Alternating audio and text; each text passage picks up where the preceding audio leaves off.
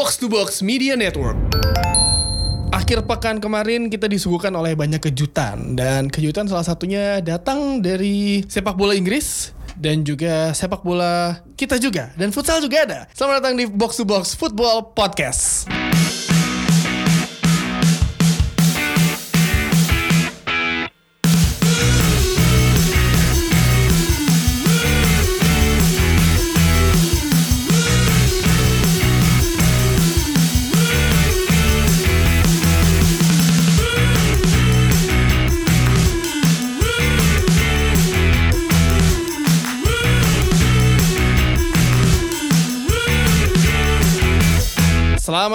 Ke mendengarkan kembali Box to Box Football Podcast. Eh, seperti biasa ada gue dan juga Coach Justin. Apa kabar Coach? Baik.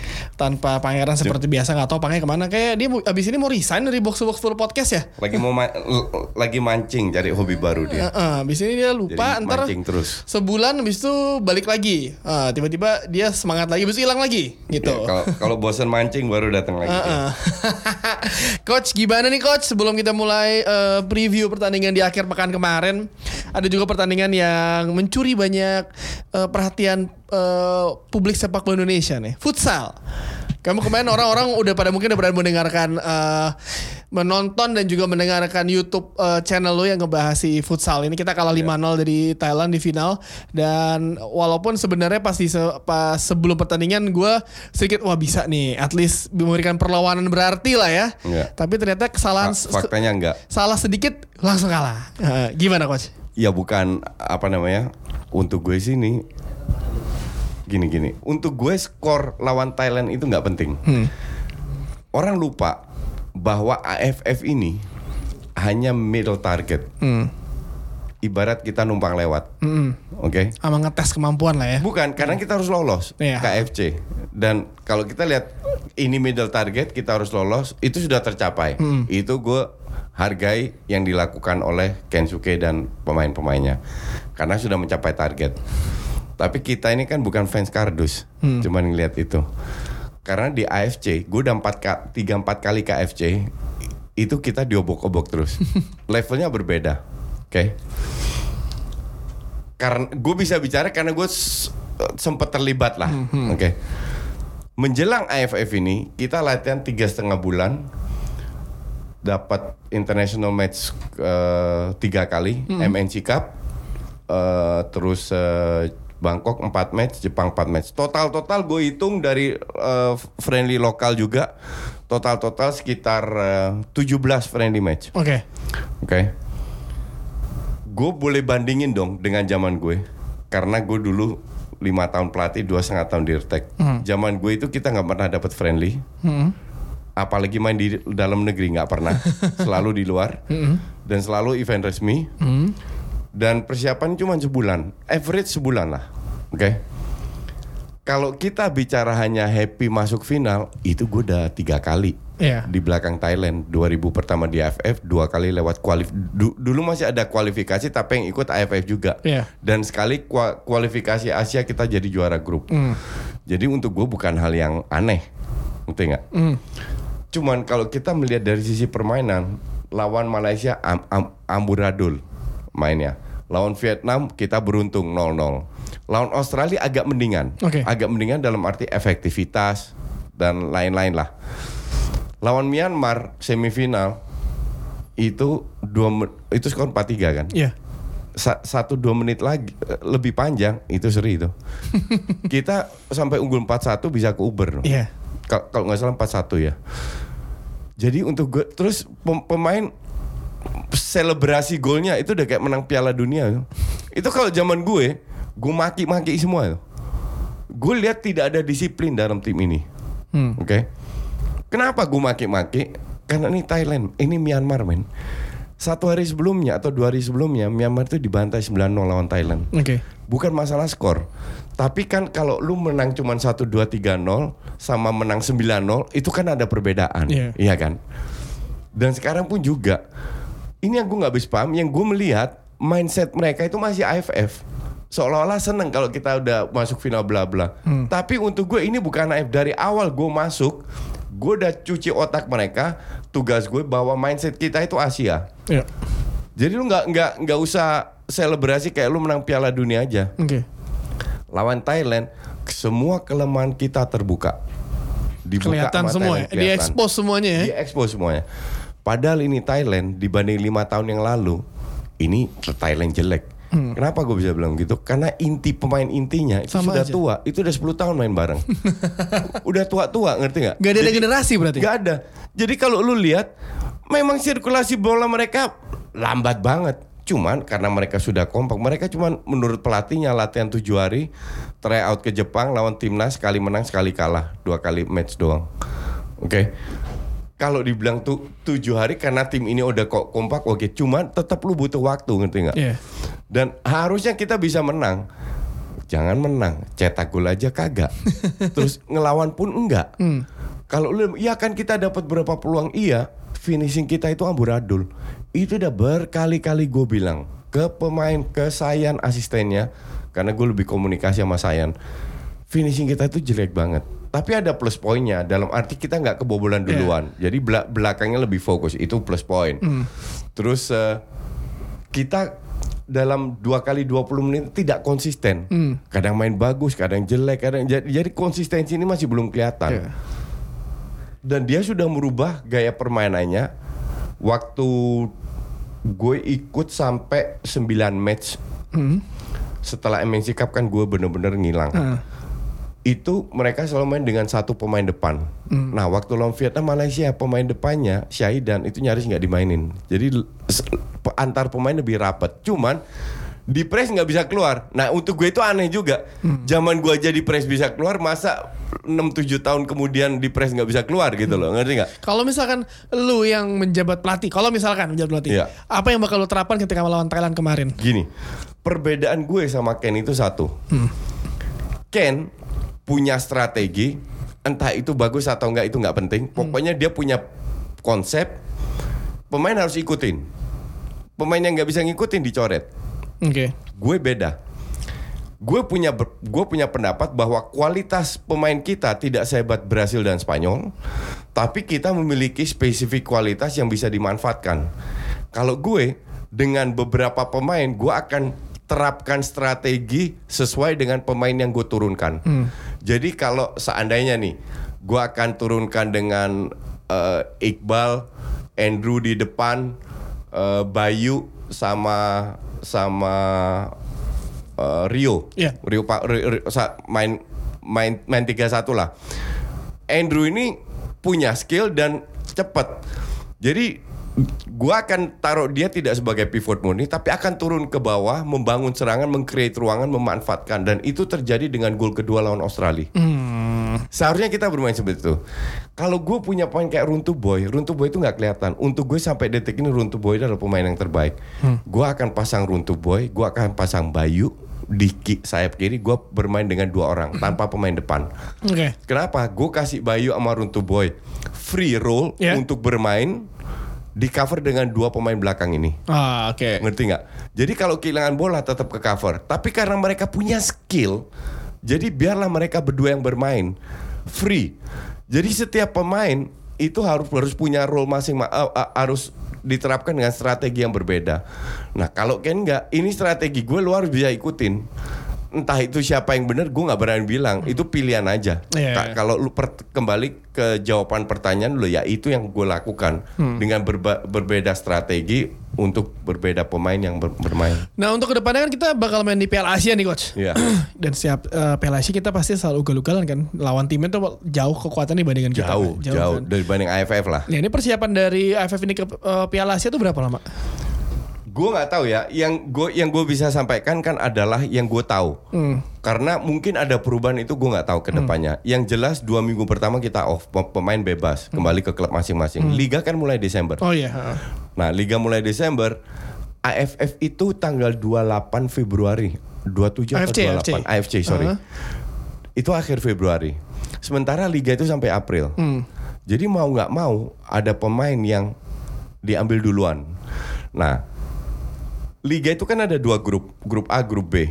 Rencananya, rencananya dulu nih, kalau grup jadi sa- satu grup grup A itu mainnya per dua minggu. Seminggu ini grup A, minggu depan grup B, Terus jadi kan ada jeda dua minggu. Iya. Nah rencananya berapa hari yang grup A ini kalau nggak main weekend dipanggil ke timnas Hmm, ganti-gantian berarti. Ga- ganti-gantian. Sebenarnya itu oke lah, itu jalan tengah lah. Cuman gue nggak tahu klub happy atau enggak. Terus rencananya kalau nggak salah nih awal Februari sudah ke Iran. Oke. Jadi ke Iran mereka dapat sekitar tiga mingguan lah. Ti- Tiga mingguan untuk persiapan Piala Asia trial di Iran. Nah dari Iran tanggal 25an mungkin naik bis ke Turkmenistan. Oh, oke. Ka- ka- karena dekat. Nah artinya waktu yang didapatkan tidak kayak AFF. AFF tiga setengah bulan plus ba- 19 tryout. Iya. Ngerti nggak? Di sini waktu lo hanya praktis paling lama sebulan. Feeling gue nggak sampai sebulan untuk bisa mempersiapkan KFC. Yakin nggak bisa? Kecuali lu pakai pemain yang sama. Tapi apakah iya pemain yang sama tetap bermain bagus di liga? Apakah iya mereka tidak cedera?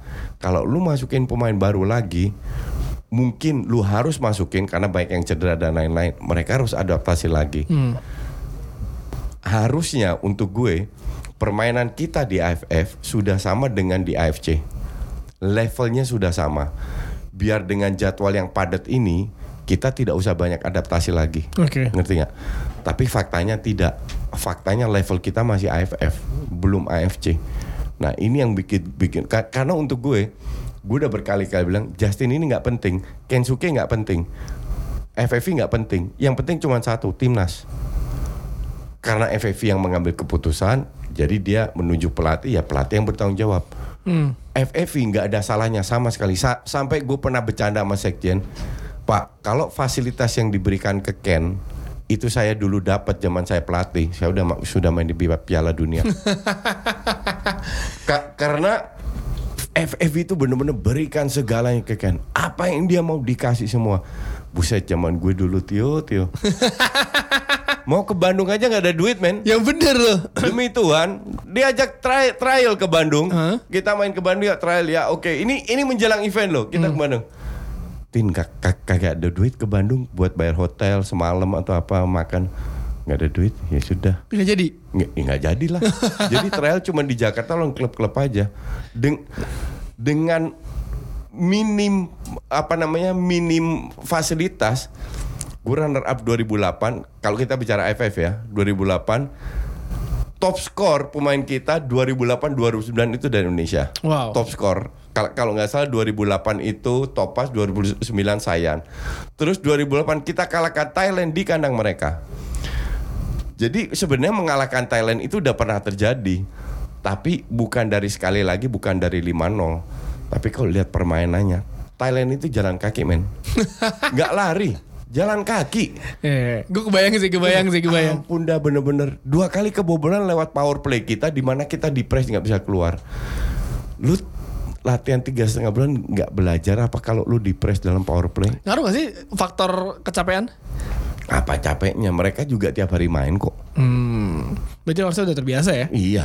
Oke, menarik sih futsal. Jadi gue sih cemas. Gue fair aja gue cemas. Gue gue tidak yakin karena jadwal padat dan karena ini kepala juga agak ini pelatih juga agak kepala batu nggak nggak gampang terima masukan. Kalau misalkan di AFC gagal total, apakah pelatihnya bakal diganti atau gimana coach? Ya kalau lu tanya gue, gue ganti sekarang. Tapi sekarang eh, sebenarnya posisi lu tuh sekarang bagaimana situasi situasinya kalau boleh diceritakan? Gua awal November ntar akan ketemu FFV lagi. Gue tanya situasi gue seperti apa. Jadi kalau lu tanya situasi gue seperti apa, gue masih masih karyawan PF, eh, FFI. Tapi gue nggak tahu ke ke depannya FFI mau- maunya apa, punya program apa. Jadi nunggu bulan November ya, yang notabene tinggal berapa hari lagi nih ya? Iya iya iya. iya. Luar biasa. Gue ajak ya cooling down dulu semua. Nanti gue ya minggu pertama atau kedua November gue telepon, gue ajak ketemu kita lihat gimana Mantap, ke, ke depannya. Siap kalau gitu sukses futsal Indonesia. Eh, jangan ke mana-mana kita di sini akan ngebahas eh, review pertandingan akhir pekan lalu. Nah lo Jason kayak mau curhat nih di akhir pe- akhir pekan ini.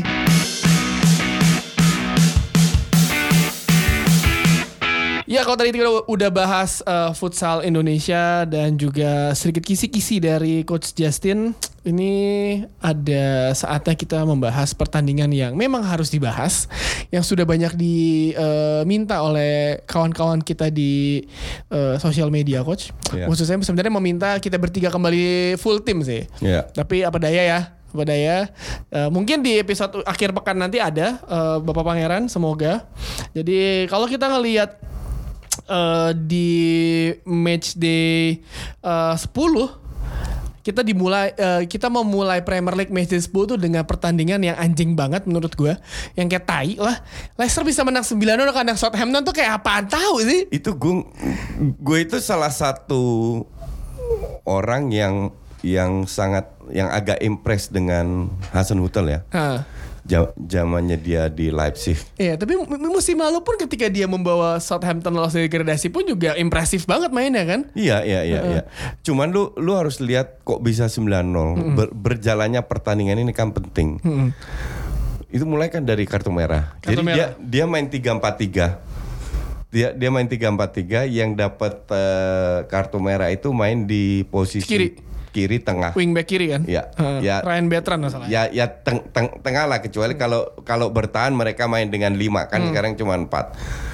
Nah, pada saat kartu merah itu nggak ada perubahan, men. Nah itu dia. Jadi jadi nampak, Diforsir banget kan? nampaknya Hasan Hutel terlalu pede dengan kualitas pemainnya sehingga seolah-olah pemainnya bisa menjalankan ini tetap bermain dengan dua striker eh, atau sa- sa- satu striker di ditambah winger yang di mana notabene sa- satu nggak ada dan babak pertama itu 5-0 kan. Hmm. Harusnya menurut gue kalau 1-2-0 terjadi atau bahkan 3-0 dia udah melakukan perubahan.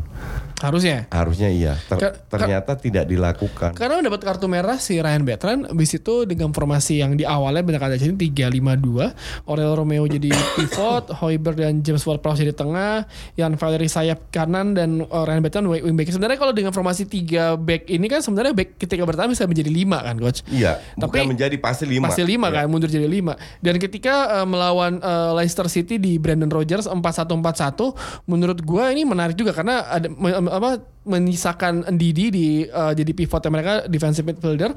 Dan Yore Tillmans buset udah kayak nggak ada yang bisa jaga. Entah kenapa apakah karena saat itu emang hujannya deras banget dan sangat uh, sangat menguntungkan uh, Leicester yang baru main sangat cepat. Kita tahu permainan Leicester kan cepat banget kan. Ya. Ayoze Perez yang dibuang dari Newcastle nyetak hat trick kemarin ya kan?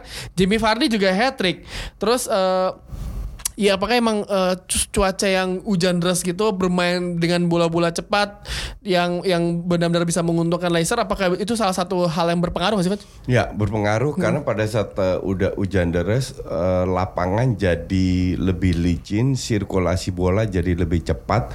Kalau lu punya striker-striker yang punya speed, ini akan menguntungkan. Uh, emang ada pengaruhnya, tapi tidak terlalu signifikan untuk gue. Yang lebih berpengaruh adalah dia tidak merubah strateginya, tetap bermain ofensif dan uh, ya he has to pay for it. Ya udah murni banget kan. Ya, ketika ya. udah menang 9-0 Jamie Vardy bisa tetap lari lo gila ya. Masih tetap mau nyetak gol tuh tuh orang. Ya, itu Leicester ini kan lagi di Leicester ini kayak Liverpool. Yang mulainya dengan L itu kayak la, la- la- lagi dapat angin seger terus, ngerti Ya, nggak ya, lo? ya, ya. Kalau nggak nggak main bagus tetap menang, entah itu dari VAR lah, entah itu dari penalti lah, pokoknya lagi lagi untung aja yang Eh. klub-klub dua klub dengan eh, huruf L ini. Dari Leicester kita tahu akhirnya para pemain Southampton uh, memberikan gajinya pada pekan itu uh, ke ke ke lembaga charity karena ini dibantai 9 ini seperti yang ketika waktu itu uh, gue lupa Wigan lawan Tottenham Hotspur yang dibantai telak banget kan dan akhirnya si Leicester menyamakan rekor Manchester City ke eh, Manchester United ke gawang Ipswich Town dengan skor 9-0.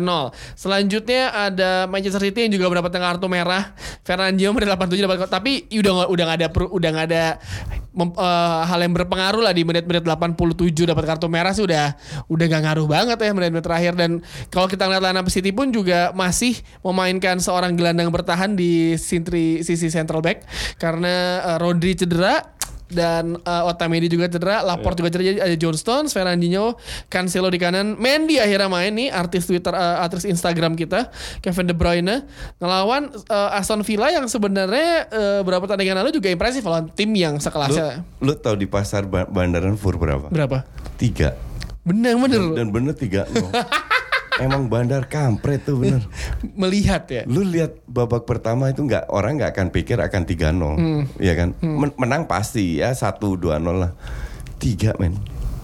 Ya mereka memiliki Ilkay Gundogan yang bisa mencetak jadi gol ketiga. Tapi ya City terlambat City Ta- coach. Tapi City mah yang jadi turning point buat gue itu Liverpool lawan City. Oh di, iya. Di kandang Liverpool. Itu dia tuh. Kalau seandainya Liverpool kalah main di kandang City kemungkinan besar akan kalah sudah seri. Cuman Liverpool masih bulan Desember Ja- Januari lah. Januari itu kelihatan apakah mereka kepleset atau tidak. Jadwal Champions League-nya juga lagi banyak coach. Klub antar dunia, Iya. Oh iya bener padat.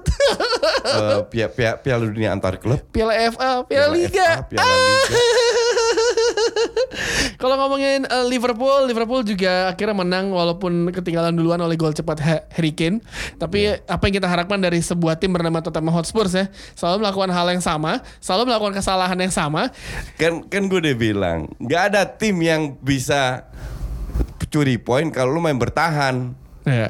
Nah, sebenarnya kalau kita pernah ngebahas ini coach yang di episode eh, sebelumnya gue sama Jalu sama Firzi, gue bilang sebenarnya ketika Liverpool dikalahkan Napoli, Liverpool ditahan imbang oleh MU, itu tuh udah terlihat bagaimana cara untuk memper, eh, untuk mengalahkan mereka Betul. kan. Bermain high press lu gak, gak kenal takut yang sempat Ya. dilakukan MU babak pertama High- hingga menit 70 sebelum akhirnya bertahan. Iya, high pressnya bukan dengan 6-7 orang, cukup 3 Tiga pemain lini- lini depan lu doang yang- yang- 3 4 orang doang. Itu harus sudah sepertinya sudah dikasih lihat oleh eh, Iya. Carlo Ancelotti dan juga Iya, oleh iya, Gunnar Solskjaer iya, eh, yang eh, bermain high pressing Ja- di minggu lalu kan. Jadi Iya. ini menarik sih sebenarnya eh, tim-tim ini kayak apakah atau apakah atau eh, Spurs itu nggak punya pemain yang bisa melakukan high press karena Nggak. kita tahu eh, Gue nggak percaya itu. Hmm. It- itu terlalu teoretis, terlalu kardus kalau orang bilang Spurs nggak nggak punya pemain untuk bisa melakukan high press. Nggak ada pemain yang tidak bisa melakukan high press. Hmm. Karena dan, eh. dan dan kalau orang bilang oh itu lebih capek, justru kalau lu main bertahan itu lebih capek daripada high press. lebih capek lebih deg-degan.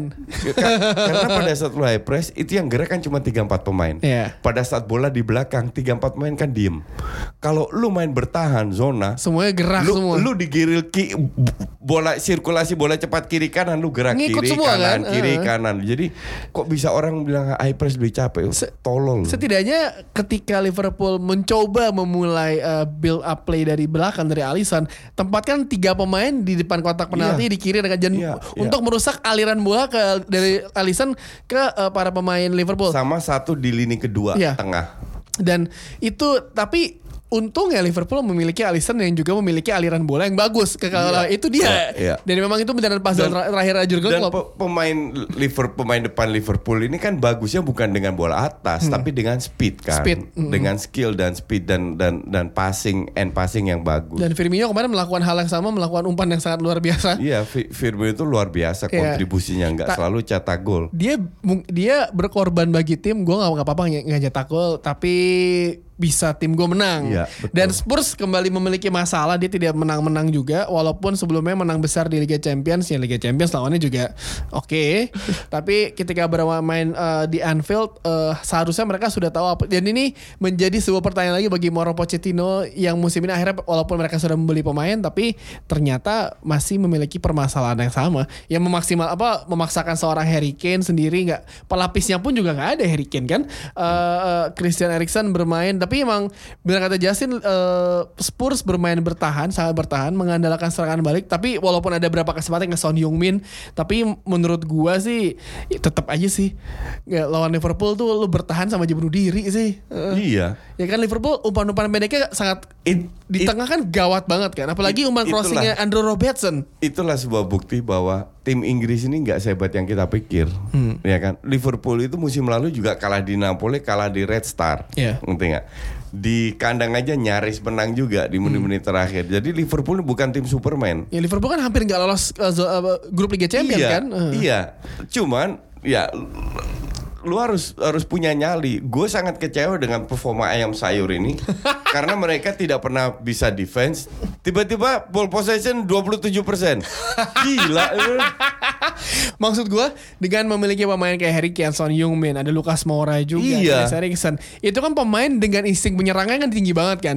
Lu punya pemain Dan yang bisa Eriksen main dan Murah main, Iya. semua main gitu loh. Dan maksud gue lu punya pemain yang bertahan Kalau lu main bertahan Lu tempatkan Eric Dyer lah di situ Karena kan Iya. Dia defensifnya bagus Long bola juga bagus Tapi ternyata Eric Dyer juga main juga enggak Tapi ya Apakah eh, eh, Di musim ini Poch mengalami kemunduran sih nggak sih? Kalau kalau lu lihat sejauh ini ya Selama Iya. 10 pertandingan Dimulai pada saat dia tidak memainkan Eriksen. Hmm. Jadi konflik internalnya sangat kelihatan. Eriksen eh, mau pindah nggak dikasih, nggak mau perpanjang kontrak. Jadi Poch harus eh, membangun sebuah tim baru tanpa seorang playmaker. Hmm. Dia menempatkan Ndombele yang yang karakternya sangat berbeda, tangguhin Ndombele dan nggak berhasil. Iya. Jadi biar biar biarin aja nyungsep terus gue mah seneng-seneng aja. Spurs sekarang berada di urutan 11. Oke, pertandingan selanjutnya akhirnya Manchester United mendapatkan eh, kemenangan tandang pertamanya. Oh iya, tandang pertama. Akhirnya, ya. akhirnya melawan Norwich City. eh gue melihat eh, ketika imbang lawan Liverpool yang seharusnya bisa dimenangkan pertandingan itu kan seperti turning point walaupun ketika lawan Partizan kemarin MU diserang habis-habisan tapi Iya. eh, si Solskjaer sudah memainkan pakem bermain tiga- dengan tiga back. Tiga back adalah segalanya. Melihat melihat eh, apa pemain yang dimiliki oleh eh, United sejauh ini kan dengan eh, kecepatan Danny James, Rashford dan Martial. Kemarin ketika lawan Norwich pun eh, Rashford kombinasi Rashford dan Martial gue melihatnya seperti Andy Cole sama Dwight York umpan-umpannya kayak wih udah sering main loh. Tapi yang tai coach dua penalti gak itu gue masih nggak habis pikir ya. Itu gue masih nggak habis pikir kenapa hanya MU yang paling banyak tim yang paling banyak mendapatkan penalti terus paling banyak juga nggak masuk. Kemarin tuh ada ada ada, ada capturean gambar tim Krul sebelum bola ditendang Krul tuh udah gerak. Itu semua kiper. Nih kan? Ja- jadi yang lu yang lu katakan sekarang itu semua kiper melakukan itu dan tidak ada pernah satu penalti dibatalin karena itu. Nggak ada kan? Semua kiper melakukan itu. Dan FIFA harus lebih jelas lagi. Iya karena emang abu-abu kan Iya, itu yang FIFA harus kan. lebih jelas bahwa ke depannya kita akan mengecek penalti apakah kiper bergerak dulu atau tidak. Karena- Karena, sekarang agak diabaikan. Iya karena kakinya tuh satu harus eh, berada di garis kan garis Ber- ke belakang. Bola tidak kiper tidak boleh eh, apa namanya bergerak sebelum eh kakinya tidak boleh keluar dari garis, Garis. sebelum bola disentuh. Nah itu dia Dan si tim Aturannya sudah melakukan jelas. hal itu kan Iya. Tapi emang di luar dari hal itu Gue inget banget Piala Dunia 2014 Ketika Louis Van Gaal menarik keluar tim Krul Itu kan yang pas adu penalti Itu salah satu ke, kita tarik Silesen Iya. masukin tim Krul. Tim Krul masuk kan Iya, Tim Krul iya. masuk kan Dan eh, menurut gue itu emang ke- Kelebihan dari seorang tim Krul adalah ketika Adu penalti, Penalti. dia emang emang Betul. bagus tuh orang Betul, Emang betul. bagus tuh orang Cuman gini, ke- kemarin gue sempat bahas di DPI juga ya. Hmm. Jarak itu cuma 11 meter loh, Hmm. bukan 25 meter. Artinya lu tidak perlu syuting kencang, tapi lu harus menempatkan akurat. Masa pemain gaji puluhan miliar seminggu nggak bisa menempatkan bola di kiri atau kanan? Arahnya sama kok dua-duanya Dan lu, lu mau, mau mau tim Krul mau siapa pun jadi kiper kalau bola ditaruh di atas speed tidak tinggi. Nggak nggak ada satu kiper Pojok kiri, dapat. kanan, atas iya, ya iya, kan? nggak ada satu kiper. Itu yang harus mereka lakukan. Ya, dia emang aneh sih kemarin liat MU Ma- Rashford gagal akhirnya yang kedua Martial. Kalau dapat ketiga gue rasa Andreas Pereira yang ngambil tuh. lu kalau lihat Messi pun juga pernah berapa kali gagal kan? Itu juga penaltinya kenceng. Dan gue pertanyakan emang harus penalti kenceng? Kan enggak yang harus itu ditempatkan Ke- kecuali lu kalau kenceng memang lu harus bawa Kecuali emang lo eh, bukan seorang striker atau pemain tengah yang memiliki akurasi tembakan yang sangat tinggi kan. Iya. Ta- tapi defender pun harusnya ah, ini full profesional Iya, yang iya. sudah Karena gue hidup ingat dari situ loh. Gue ingat 2002 tuh Beckham adu penalti eh penalti dapat penalti lawan Argentina kan dia kenceng tuh kenceng Iya. banget ke kiri tapi kan ke kiri dan ke pas Piala Dunia 2018 Eric Dyer tuh juga kenceng ke tengah bolanya Buat apa kenceng gitu loh? It- itu yang gue pertanyakan. Lu kalau entar deh kalau kita sekali di lapangan bola, gue gue tunjukin Tio Hmm. adu penalti, gue tunjukin cara ambil penalti yang bener itu kayak gimana. siap Gue itu nyaris nggak pernah kalau gue ambil penalti nyaris nggak pernah nggak masuk. yang bener loh demi Tuhan. Kecuali di futsal ya, Ya, futsal kan kampret, Kecil kecil, gawangnya. kecil banget Eh, orang eh. tinggal itu kena kiper lah ada apa. Eh. Tapi kalau di sepak bola ya, hampir selalu sih inget gue hampir selalu masuk. Nah dengan eh, tiga pertandingan terakhir United akhirnya tidak eh, meraih kekalahan coach imbang lawan Liverpool menang lawan Partizan dan menang lawan Norwich apakah ini bisa kita bilang eh, jalur yang baik sejauh ini bagi United untuk kembali ke jalan yang benar Kayaknya iya, Hmm. karena pada saat lu terpuruk yang lu butuhkan itu hanya satu, kemenangan kemenangan. Bukan bermain bagus, Hmm. kemenangan. main bagus kalah juga sama Iya. aja Da- it, it doesn't matter apa yang terjadi pada saat lu meraih kemenangan, percaya diri meningkat, baru lu berusaha untuk main bagus. nah benar juga lo coach Kenapa? Hmm, benar juga Gue selalu bener. oh iya benar selalu dah Orang cuman nggak nggak nggak nggak paham aja. Oke, eh akhirnya MU kan juga satu persatu pemainnya pada kembali kan. Eh, Dan kemarin ada sebuah pro dan kontra eh, bahwa we don't need Paul Pogba. Karena dengan ada Pogba seperti menahan bola untuk lebih bermain tidak cepat. Setuju. Itu kan gue udah bilang di video gue menjelang preview lawan Dari Liverpool. musim lalu juga udah bilang loh. Iya. Heeh. Gu- Lu nggak butuh Pogba. Pogba ini kedua dia udah nggak nyaman di MU. Hmm. Dia harus pergi. Untuk MU bagus, untuk eh, Pogba pun juga bagus kalau dia pergi. Karena kemarin melihat sekarang kan eh, mau nggak mau kan karena para cedera, pemainnya cedera si Ole kan mainin Fred mulu ya. Iya. mainin Fred sama Tomine kan berdua ini. Tapi ketika berapa di lawan Liverpool, gue melihat Tomine bagus banget. Fred pun juga berkali-kali, walaupun umpannya tetap salah mulu ya, tapi dia bisa Dia stop ball. bekerja keras. Itu plus poinnya dia. Itu aja. Jadi Iya. eh, eh, dan dia tidak lama-lama memegang bola. Iya. Karena bermain dengan skemanya Ole, lu nggak bisa lama megang bola Iya. kan. Ketika lu megang bola satu tak, lu mesti lihat cepat. Kalau ini kan Ole sebenarnya eh, mereplika apa yang dilakukan oleh Sir Alex kan. Dapat bola satu cepat, pemainnya wingnya gerak. Itu yang Iya. bagusnya dulu ketika zamannya Sir Alex dia punya Mel Carrick atau Paul Scholes yang bisa umpan lambung jauh ke depan Bagus. dan presisi Iya, bagus iya, kan. iya. Sekarang mereka belum ada sejauh ini Nah, kan. se- sebenarnya pemain kayak Fred ini biarin aja dia suruh nguber pantat terus. Se- semua pantat diuber sama dia. Kayak N'Golo Kante. Iya, dan nggak ada masalah juga. Cuman dia harus tahu kalau dia tidak, gue setuju sama lu, dia tidak punya akurasi passing yang bagus dengan eh, jarak jauh.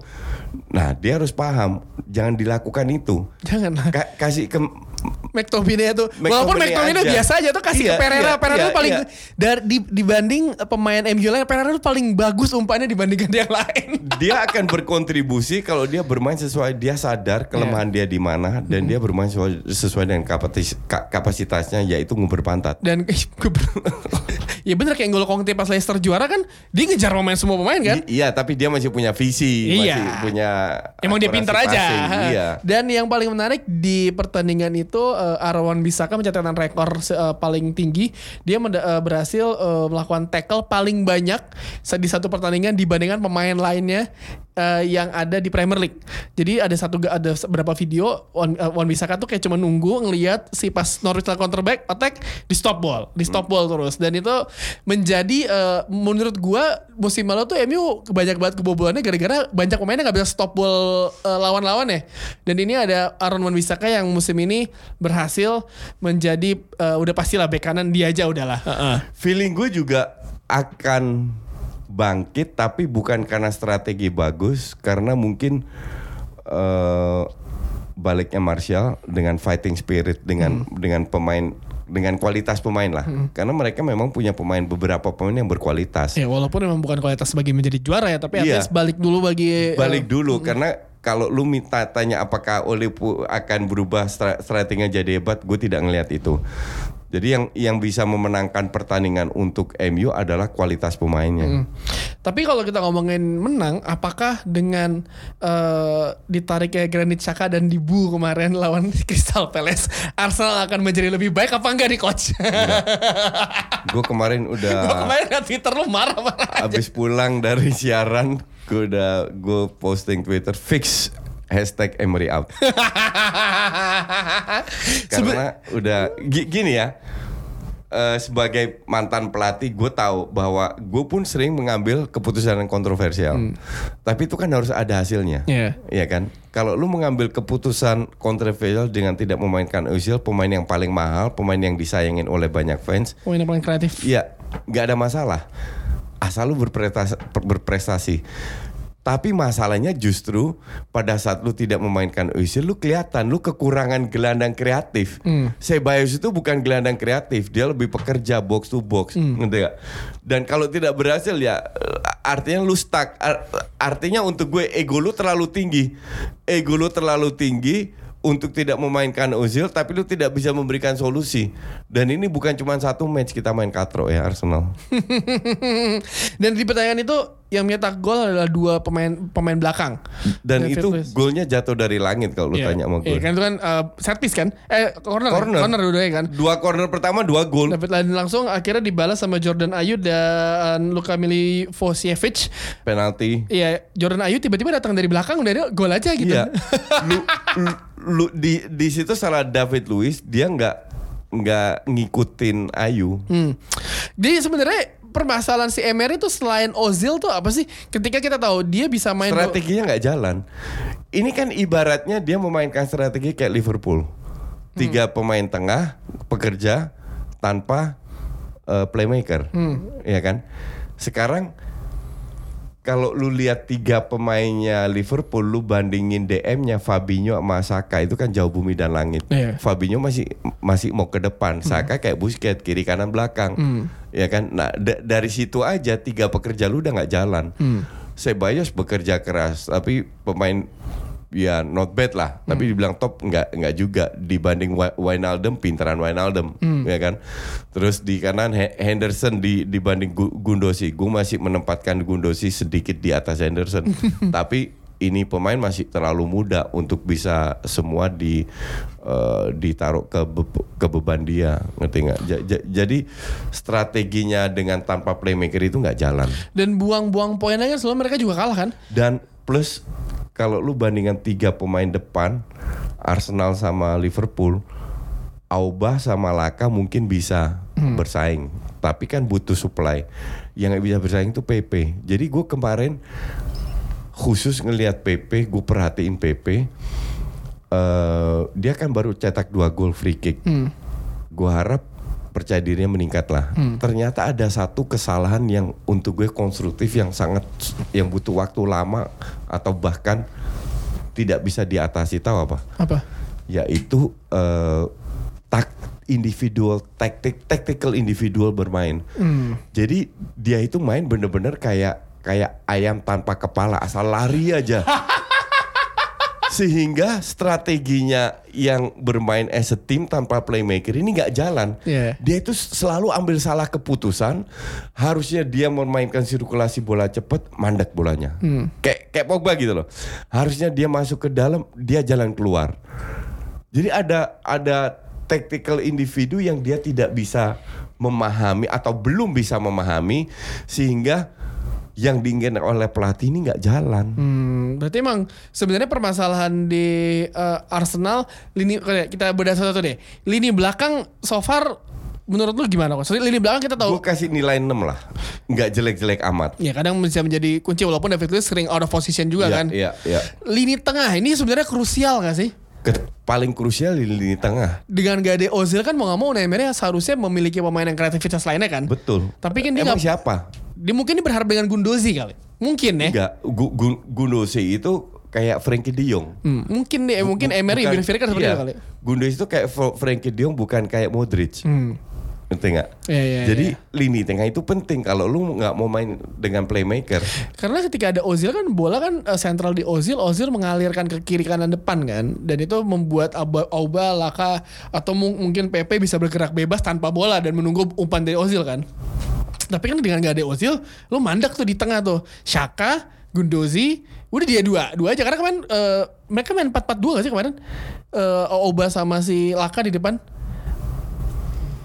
Eh, enggak 4-3-3. 4-3-3 ya? Au, Auba, Laka sama PP kan di kanan. Oh iya benar saya timah tiga tiga. Gundozi, Shaka, Masya Balos di sentral Iya, lah. Ya, ya, ya. Tapi dengan kayak gitu kan kemarin lawan Crystal Palace eh, praktis kan nggak ada maksud gua. Enggak. Ada sesuatu yang Ka- karena dari dari PP-nya ini nggak jalan. ah, Dari PP ini tidak ada supply nggak dan harus diakui bahwa Auba sama Laka tidak terlalu bagus. Cuman kenapa mereka nggak juga nggak- nyaris nggak dapat supply juga. Sirkulasi bola terlalu lambat sehingga memberikan waktu ke, untuk Crystal Palace cepat organize pada saat mereka dapat counter.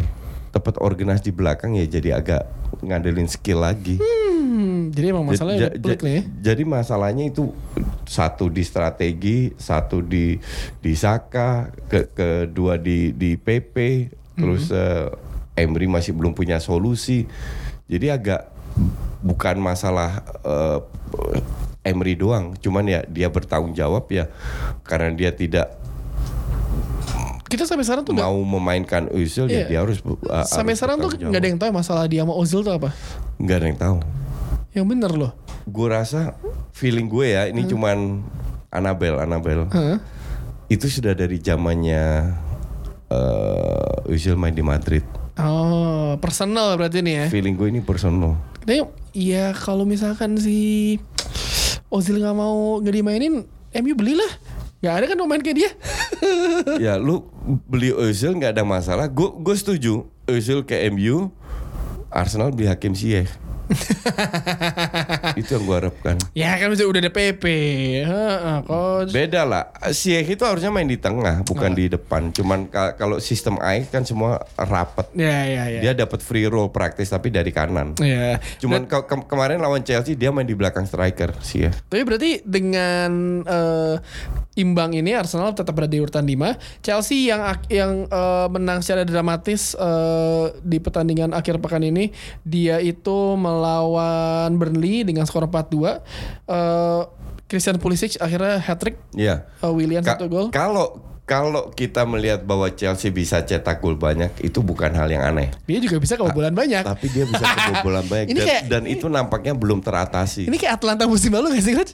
bisa jadi. Iya kan? Iya. Wah lini depannya gawat ya kan? Iya. Tapi Bisa jadi. Nah, ketika lawan Ajax nih eh, eh, lawan Ajax di Liga Champions kan gue siaran tuh. Iya. Liga Champions. Itu Chelsea lawan sama Chelsea sebenarnya Beruntung lu. ya mainnya pun juga ya ugal-ugalan juga. Iya. Kayak anak muda aja udah. Iya, Ajax pun demikian. Nah, kepancing Tapi kalau David Neres itu golnya yang which is sah, Hmm. tidak dianulir, itu lain cerita itu. VAR kan coach sedikit. Enggak, bukan VAR, bukan VAR-nya. Eh, Keputusan wasit salah. Ruth Gullit waktu itu siaran di Beansport eh. dengan teknisinya Beansport, Hmm. dia menunjukkan dari angle yang berbeda bahwa Neres tidak offside. Ah, oke. Itu beredar di koran-koran Belanda, tapi tidak diambil alih oleh koran internasional. Hmm. Jadi bukan pendapatnya Ruth Gullit, enggak. Emang teknologi ini, ya? ini te- teknisinya Bein Sport Qatar yang menunjukkan yang memberitahu kepada Ruth Gullit bahwa dari angle tertentu Neres ini tidak ti- tidak offside. Tapi emang tipis banget sih itu. Setipis Iya, itu. Dan wasit mengambil bukan salah VAR-nya. VAR itu kan cuma video. Iya. Tapi kan lu lihat dari angle yang mana. Nah di sini gue bilang salahnya wasit ambil keputusan. Tapi itulah sepak bola. Hmm. Menarik Mau ya. ada VAR pun tetap ada drama. Iya, drama. Dan kali ini Ajax dirugikan. Ya, dibalas lah ntar di Stamford Bridge. Gue tidak heran kalau Ajax menang di Chelsea. Ya harusnya ya karena grup Kenapa nggak mereka bisa menang di Madrid kok? Iya. Iya kan? Walaupun dengan pemain yang ada sekarang nih. Walaupun dengan pemain ada yang sekarang kan Ajax tidak tergantung satu dari tiga pemain. Pemain akademi juga masih banyak yang bagus. Strategi yang penting. Ya menarik sekali Chelsea menang. Eh, urutan pertama masih ada Liverpool, urutan kedua masih ada City. Ketiga itu yang menarik ada Leicester City ya. Ini gue nunggu Leicester sampai jeblok lagi nih kampret Leicester ini. Kayak tira Persikabo dong musim ini sampai atas. Terus urutan 4 ada Chelsea, urutan 5 Arsenal, masih ada Arsenal. Iya. 6 itu ada si Sheffield. Eh, bukan. 6 itu ada Crystal Palace, 7 nya United. Akhirnya MU nggak usah di skor ke bawah lagi. Eh, Sheffield urutan 8, Bournemouth urutan 9, 10 West Ham. Wah, ini Spurs urutan 11 kembali ke alamnya, ke seperti tahun 90-an ya. Seperti zamannya Christian Zige dan kawan-kawan dia selalu ada urutan segitu, ya kan? Iya. Wolf yang agak menarik eh, urutan 12, Burnley urutan 13, Brighton 14, Aston Villa 15, Everton ini juga pelatihnya dalam eh, Dipecat juga. Iya dalam ambang-ambang dipecat Newcastle buset Newcastle udah kayak pasrah ya lah ya, musim ini. Southampton, Norwich City dan terakhir ada Watford. Jadi next pertandingan menarik kita lihat di pertandingan pekan depan kita akan juga melakukan review nanti di akhir pekan nanti. Bournemouth lawan Man United tadi Sabtu, West Ham lawan Newcastle, Aston Villa lawan Liverpool, wah Arsenal lawan Wolves Co- coach. Gue siaran big match. Apa? Crystal Palace lawan Leicester. Keren, keren. Biasanya tim-tim papan tengah tuh Lu kebayang gawat-gawat. nggak? Lu kebayang nggak tim tim yang harusnya bermain untuk degradasi Main di papan atas. mendadak musim ini jadi big match. Eh, tapi kita sudah sudah berarti musim lalu ketika kita siaran Liga Italia dapat Sassuolo lawan Frosinone. Tenang aja coach. Aduh. Eh, Arsenal lawan Wolf, eh, Sheffield lawan Burnley, Brighton lawan Norwich. Wah City lawan Southampton nih. Watford lawan Chelsea, Palace lawan eh, Leicester, terakhir Everton lawan Tottenham. Jadi jangan ke mana-mana. Pekan ini kita akan melakukan eh, review eh, preview pertandingan juga. Semoga Pangeran bisa datang. Thank you banget Coach Jason. Ya, sama-sama. Udah curhat soal Arsenal dan juga futsalnya. Jangan ke mana-mana. Dengarkan terus semua podcast di Box to Box dan juga dengarkan terus Box to Box Football Podcast.